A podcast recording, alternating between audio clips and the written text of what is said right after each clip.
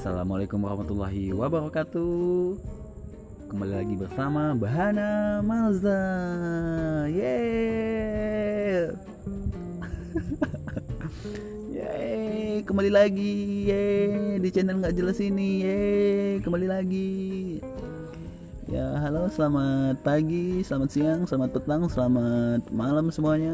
Kawan-kawan yang lagi mendengarkan podcast saya ini Ya kali ini random aja. Saya lagi nggak pengen ngomongin uh, tentang jomblo yang sengketa Atau jomblo yang sedang berseke, bersengketa Atau jomblo yang sedang disengketain.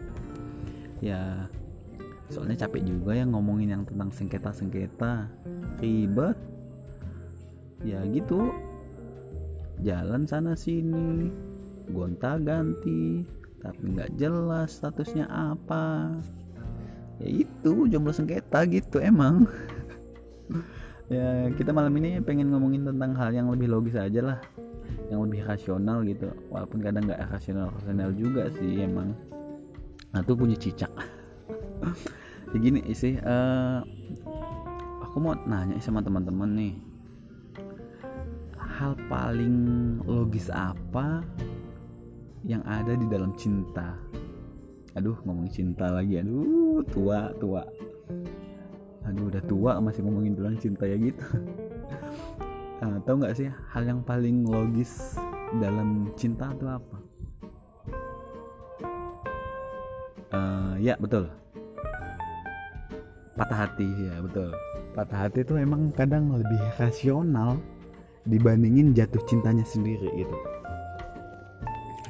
ya kenapa lebih lebih rasional patah hati dibandingin jatuh cinta? Ya kita bedah dulu nih tentang jatuh cintanya nih.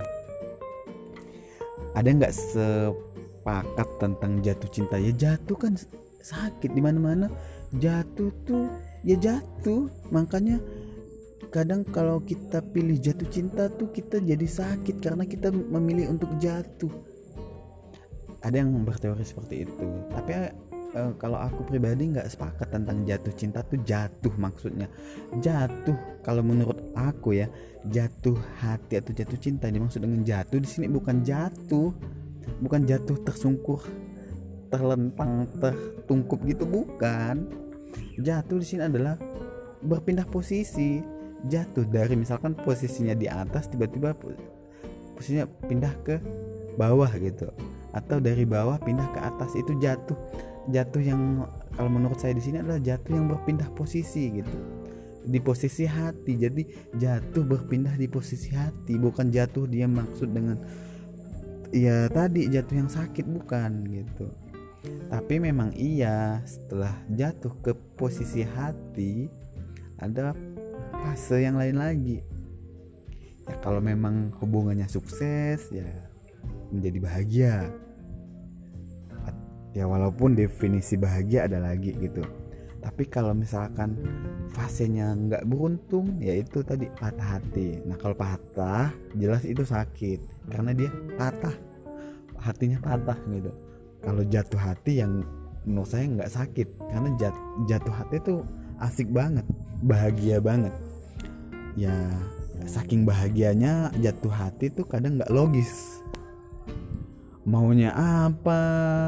Nggak jelas.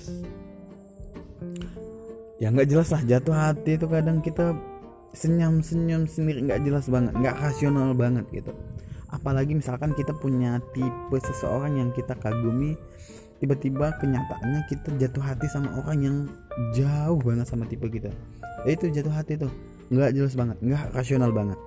Suka-suka dia mau apa aja enggak emang nggak jelas banget Iya, yang, paling jelas itu emang yang patah hati, yang lebih rasional gitu. Ya kadang di, kenapa bisa gitu? Ya emang kadang di saat patah hati lah kita bisa berpikiran rasional, bisa berpikiran logis bahwa kenyataannya seseorang yang membuat kita bahagia itu telah tidak menjadikan kita bahagia yang sebenarnya